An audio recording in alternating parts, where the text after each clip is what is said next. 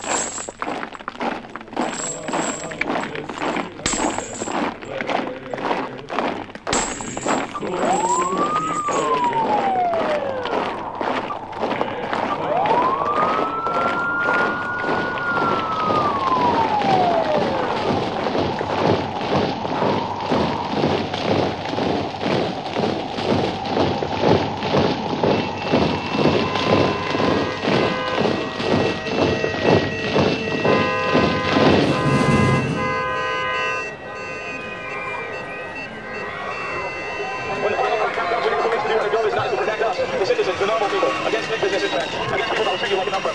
Yeah, whatever happens, you don't people, people, the people, poor people.